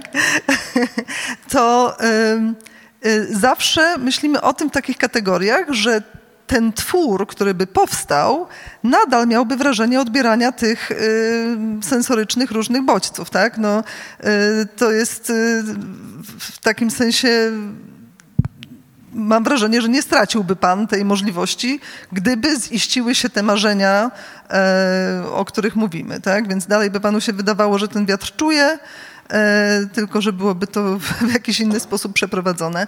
A co do tej nudy, no to to jest bardzo, bardzo ciekawe. E, zauważcie, że jeżeli myślimy, że dzięki temu, że ta śmierć nas czeka, tak, i ona nas czeka pewnie w granicach jednego stulecia zwykle, to mamy bardzo taki głęboki pęd do tego, żeby owo życie sobie planować, nie? żeby ono miało pewnego rodzaju etapy. No więc najpierw pójdę na studia, potem poznam kogoś, kogo kocham, może nie wiem, może nie się wyjdę za mąż, może nie, ale będę podróżować, nie? ale potem to już się muszę ustatkować, a potem jeszcze to emerytura, nie? I ta emerytura musi być taka, a nie inna. I ten plan wydaje się dosyć jasny i on jest nierozerwalnie najczęściej związany, jeżeli ktoś tego planu w ogóle mm, podejmuje próbę skonstruowania, nierozerwalnie związany z tymi etapami życia. I teraz jak wyobrazimy sobie takie życie ciągnące się w nieskończoność jakoś tam, prawda, albo przynajmniej bardzo długo, no to po pierwsze nie mamy takiego parcia na to, żeby jakoś skomasować te doświadczenia, tak? W pewnym sensie możemy sobie pozwolić na to, żeby, e, żeby na nie czekać albo nie wiem, żeby sobie no nie, nie mamy takiego parcia, żeby ten plan rzeczywiście jakoś tak istniał, tak? A z drugiej strony nie da się ukryć, nie wiem, czy Zuzanna masz podobne wrażenia, ale i czy Państwo mają podobne wrażenie? Im dalej w las w tym życiu, tak, tym mniej rzeczy człowieka zaskakuje rzeczywiście. E, I to jest e, rzecz taka dosyć, no trudna, tak? No bo z jednej strony być może trudna do oceny, no bo z jednej strony wiąże się to z jakąś tam wyższą wiedzą, nie wiem, szerszym doświadczeniem, z drugiej strony kojarzymy to z jakimś takim rodzajem gorzkości już troszkę, nie? że jak, dopóki to życie oferuje same niespodzianki, dopóki ono absolutnie nie jest nudne, bo wszystko w nim jest zupełnie nowe i absolutnie musimy to poznać i jesteśmy cały czas nim zaskoczeni, e, no to mamy w sobie tę energię, tę świeżość, ten, ten sens, tak? który niejako automatycznie jakoś jakoś tam gdzieś się w nas rodzi. No i to, to, to jest dobre pytanie, tak? Co byśmy robili, gdybyśmy mogli naprawdę długo żyć, nie? I czy to w ogóle byłoby fajne? Czy, czy to nie byłoby strasznie nudne? Albo yy, dojmująca taka jakaś pustka egzystencjalna, czy by nas nie dopadała w związku z tym, że, że wszystko się ciągnie tak i...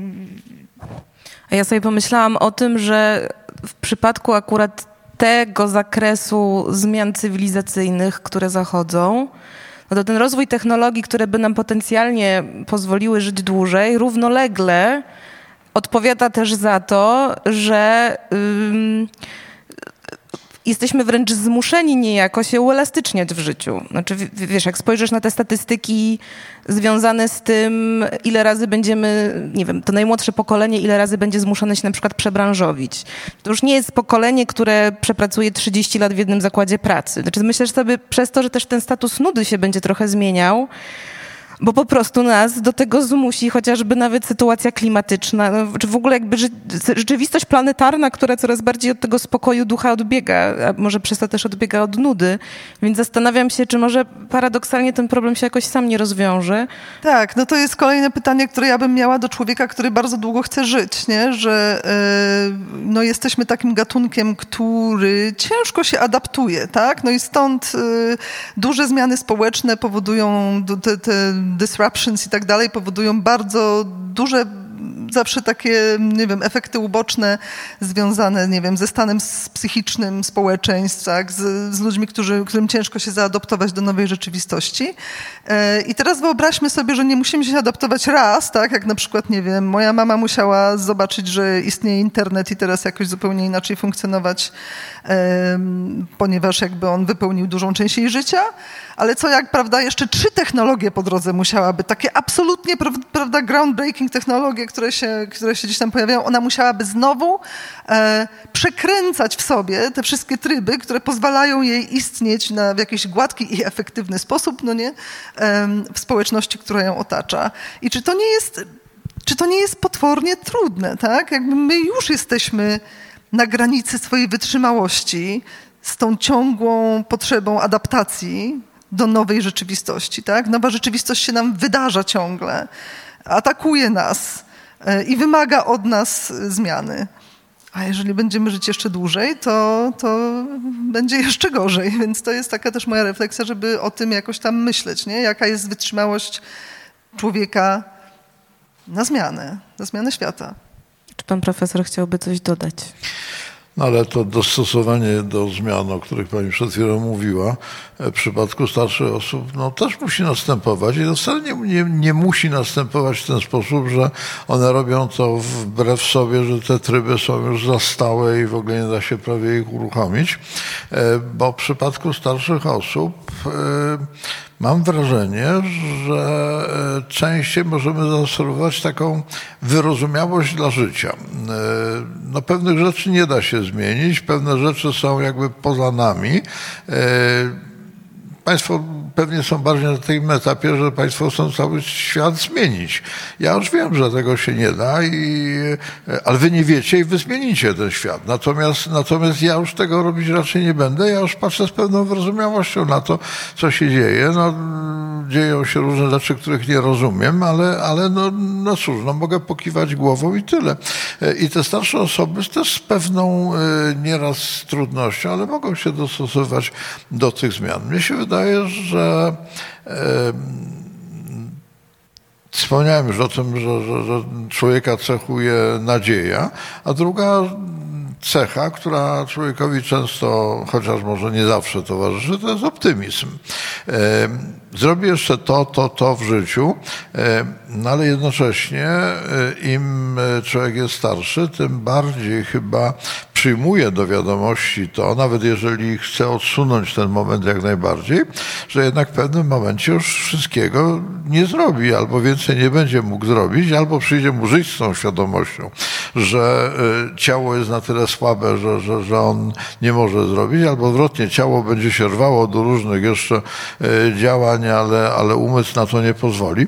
No ale to są po prostu pewne nie, e, nieodłączne cechy współczesnej starości, którą, którą trzeba przyjąć, patrząc na starość trochę też jako na takie wydarzenie e, czy zjawisko kulturowe. Jakiś czas temu miałem okazję w Sztokholmie, no, Szwecja jest krajem znanym z otwartości na migrantów, zwiedzać dom pomocy społecznej, używam polskiego określenia, tam się nazywa, to trochę inaczej, spełnia trochę inne funkcje. I w tym kraju, w tym domu mieszkali mieszkańcy z 15 narodowości, to znaczy, że sami Hindusi to, to, to już tam było 5 czy 6 różnego rodzaju nacji, a wśród pracowników było, byli przedstawiciele 11 nacji. E, I e, o ile ta integracja mieszkańców przebiegała bardzo fajnie, o tyle były bardzo silne kłopoty komunikacyjne, problemy komunikacyjne i to nie dlatego, że dla nie dla wszystkich pracowników język szwedzki nie był tym językiem ojczystym, tylko dlatego, że chodziło o komunikację kulturową. E, dla ludzi, zwłaszcza z innych kontynentów, z innych obszarów kulturowych, ta starość była e, czymś zupełnie innym i stosunek do osoby starszej wyrażał się zupełnie inaczej niż w naszym e, mniej czy bardziej e, kontynentalnym albo skandynawskim kręgu, czy nawet południowo, południowoeuropejskim. I wydaje mi się, że, że ta starość y, będzie coraz bardziej zróżnicowana, także w Polsce, chociażby dlatego, że na starość będą wracali ci, którzy znaczną część życia spędzili gdzieś za granicą, a tutaj wrócą i będą chcieli, y, y, liczyli na to, że może będzie wygodniej, a może po prostu będzie, będzie dla nich bezpieczniej albo bliżej swoich, ale oni przywiozą te nawyki, których e, nabyli przez wiele lat, które nabyli przez wiele lat e, mieszkania za granicą. I ta starość będzie coraz trudniejsza dla nas do zrozumienia. Chyba, że, że, że po prostu zgodzimy się z tym, że ona jest nieunikniona. A jest nieunikniona, e, bo demografowie e, wyliczają, że żeby pozostać przy Szwecji, e, połowa dziewczynek, które dwa lata temu przyszła na świat w Szwecji, dożyje setnego roku życia. Połowa. Wyobrażają sobie Państwo, co będzie w związku z tym za te 100 lat liczba urodzeń wprawdzie nie jest imponująca, no ale to jest pewien problem e, i te problemy będą się nawarstwiały, będą się nasilały. W związku z tym ja mogę być do pewnego stopnia zadowolony, że ja mogę powiedzieć, że ja już mam to przejściowo przynajmniej za sobą. Tak, to się jakoś tak fachowo nazwali poziomem zastępowalności pokoleń. Takie trochę przerażające hasło. Yy, powoli musimy kończyć, a tu mam ostatni głos, któremu obiecałam yy, spojrzeniem serdecznym jeszcze mikrofon, więc ostatni głos z sali i będziemy powoli kończyć. A zaskoczyła mnie uwaga kogoś za moimi plecami, kto wyraził zaniepokojenie, co będzie z nudą, kiedy przestanie pracować, kiedy przestanie mieć ten automat, że wstaje rano, musi tam zająć się dziećmi, pójść do pracy i tak dalej. To by znaczyło, że praca jest najważniejsza w życiu. A, i w ogóle, że wszyscy chyba jesteśmy zadowoleni z tej pracy. Znaczy, to jest, ja po prostu mam kłopot ze zrozumieniem tego. I mnie się wydaje, że jeżeli życie koncentruje się wyłącznie na pracy, to faktycznie perspektywy na emeryturę są straszne. Zwłaszcza, że ta rodzina w końcu jakoś tam dzieci tam wyfruwają i, ta, i tak dalej. No ale jest coś poza pracą, a oprócz tego tej pracy można nienawidzieć przecież, co jest dość częste. Um, I dlatego emerytura będzie nudą, dla ludzi, którzy nie mieli żadnych zainteresowań obok, oprócz pracy i którzy nie zastanowili się nad tym, co będą robić na, na emeryturze. Um, I to jest uwaga ogólna. Ja jestem pewnie w wieku pana profesora, czy coś takiego. Przeszłam, pracowałam trochę dłużej niż mój ustawowy wiek emerytalny. Przeszłam na emeryturę no, w czasie lockdownu i nigdy nie byłam szczęśliwsza w życiu. No po prostu to są moje najlepsze lata teraz. W ogóle nie pracuję i zajmuję się wyłącznie rzeczami, które sprawiają mi przyjemność. Naprawdę.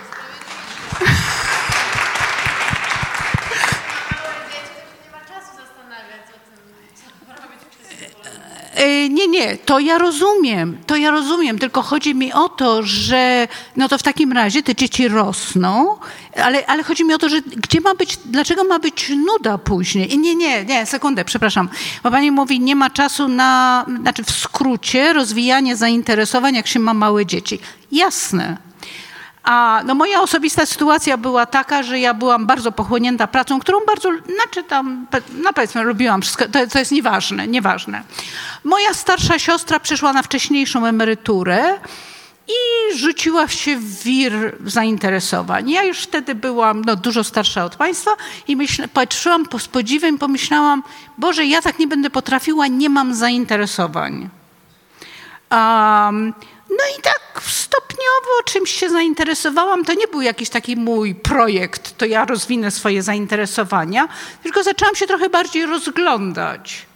No i w momencie, kiedy się zdecydowałam przejść na emeryturę, to e, ja nie chcę, żeby to było o mnie, tylko mówię o tym, że nawet po zakończeniu pracy można nie wiem. Pan mówił o uniwersytetach trzeciego wieku. To mnie osobiście nie odpowiadało, ale jest całe mnóstwo towarzystw, przyjaciół różnych rzeczy. Nowe I wspólnoty i nowe formy. Małe wspólnoty i to wszystko. Ale i w związku z tym można te zainteresowania rozwijać później, więc ta nuda to jest jakaś taka abstrakcja. A druga rzecz, to chciałam e, polemikę z panem profesorem, który powiedział, że z wiekiem pan się robi coraz bardziej tolerancyjny, że pan nie musi zmieniać świata i tak dalej. I to było trochę w kontekście technologii, tak jak ja to zrozumiałam. Więc tutaj to jest taka ciężka sytuacja. To jest, to jest bardzo trudna. Dlatego, że tutaj jest bardzo zależy od charakteru człowieka. A z moimi tak mniej więcej rówieśnikami, to niektórzy w miarę nadążają nad technologią, a inni powiedzieli, a po co mi telefon komórkowy? Czy ja muszę dzwonić na ulicy? Po jakimś czasie, no jakieś tam starsze pokolenie. No potem już mieli ten taki tradycyjny telefon e, komórkowy. No nie, smartfon to już nie dam rady. Okej, okay, niektórzy nadążają, niektórzy nie, niektórzy mają wnuki, które tam pomogą, niektórzy nie. Problem polega na tym, i to jest już społeczny problem, że można nie móc nadążyć technologicznie i używać smartfona, ale proszę spróbować skorzystać z, yy, z bankowości online bez smartfona. Wykluczenie cyfrowe. Jako... I muszę, to wyklu, ale to wykluczenie, muszę powiedzieć, um, no je, jest tak. Moja mama teraz tam będzie miała niedługo 97 lat. Zaczęła korzystać z komputera w wieku 80 lat, sama robiła bankowość internetową poległa, kiedy bank zmienił stronę internetową. Mieliśmy o tym w piśmie tekst o y, Wojtka Kutyły, o wykluczeniu cyfrowym. Bardzo polecam. Czy wy byście, przepraszam, że I tak też, urywam, muszę, ale muszę dokończyć, że tutaj z tym wykluczeniem cyfrowym to chodzi o to, że nawet nie ci, którzy od początku nie dają rady, tylko to nadążanie, to, to nie, i to nie jest sprawa taka, no to ja już nie muszę nadążać. Mhm. Bardzo dziękuję za ten głos. Rzeczywiście wykluczenie cyfrowe to w ogóle kol, ko, kolejną moglibyśmy otworzyć cie, pewnie ciekawą dyskusję. Po, poproszę ciebie Karolina i pana profesora takie ostatnie słowo, ponieważ tam już polano wino na końcu sali, na które zapraszamy i już takie y, wyczuwam niespokojne ruchy na sali, więc czy jakieś macie ostatnie Można podsumowujące jeszcze jedno pytanie słowo? zadać? Przepraszam. E, chciałem zapytać, e, skąd. Przepraszam, ale naprawdę. E, to Bardzo tak... krótkie, dwa zdania. Skąd Państwa zdaniem wziął się ten jakby kult życia i przeżywania jako wartości nadrzędnej samej w sobie, jakby, której nie było ani w czasach starożytnych, ani za czasów chrześcijaństwa? Dziękuję. To macie na ostatnie słowo do odniesienia się.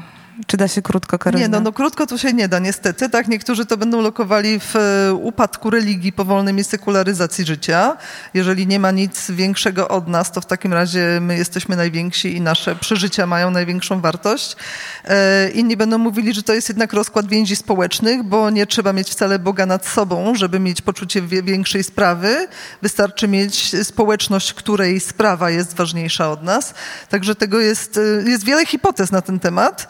E, no dość powiedzieć, że nie mam pojęcia, która jest prawdziwa, e, ale, e, ale mam wrażenie, że ma to jakiś związek z, z rozwojem kapitalizmu w ogóle jako systemu, tak, który sprawia, że coraz że przeliczalną i wartością, którą system może jakoś, y, jakoś produkować, tak, są właśnie y, przyjemności i bodźce dla indywidualnych konsumentów. No więc myślę, że bardzo wiele tutaj czynników gra rolę. A jeżeli mogę tak szybko w takim razie podsumować, to chciałam tutaj y, komentarz do tego, co pani mówiła na początku, o tym, że emerytura to dla pani jest taki przyjemny i dobry czas.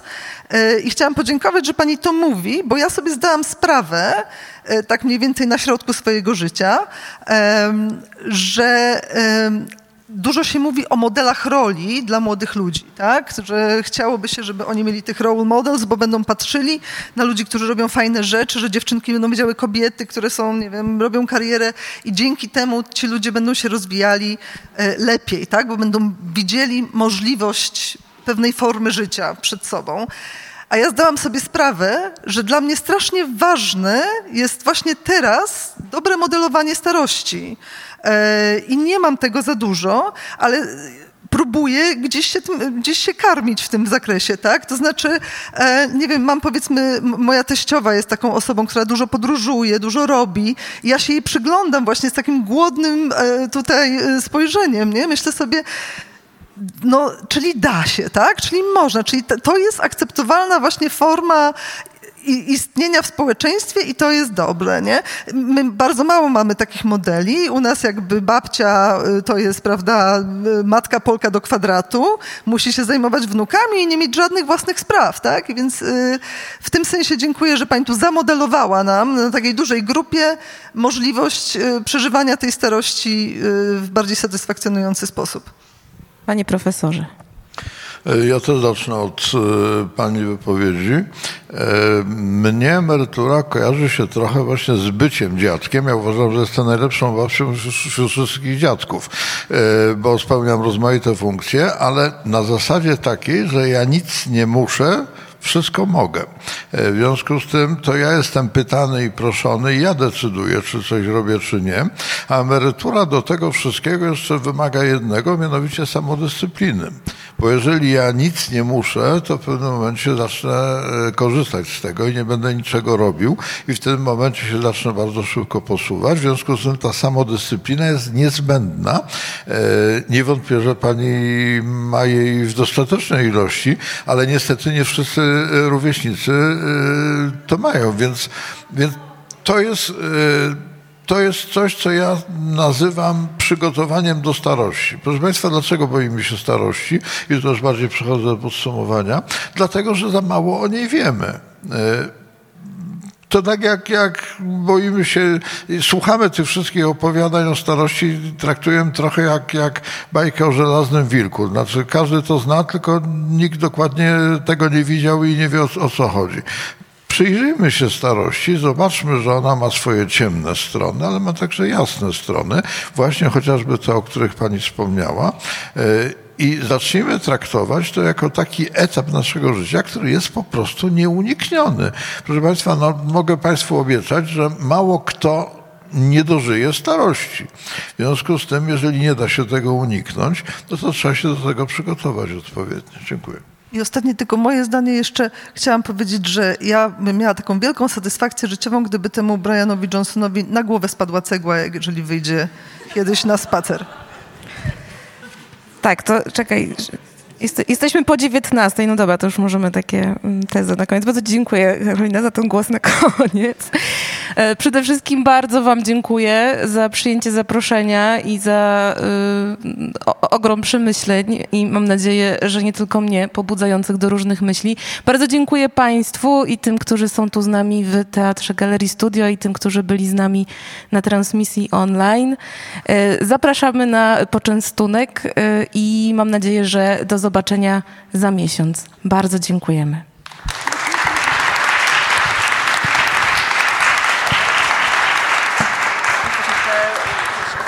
bardzo, bardzo, bardzo y, dziękuję Zuzannie Kowalczyk za debiut w roli prowadzącej premierę pisma. Oklaski się należą podwójne.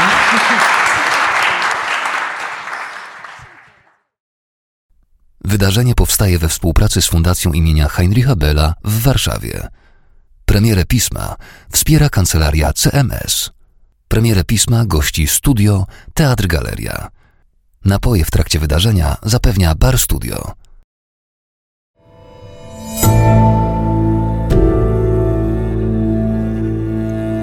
Pismo. Magazyn opinii.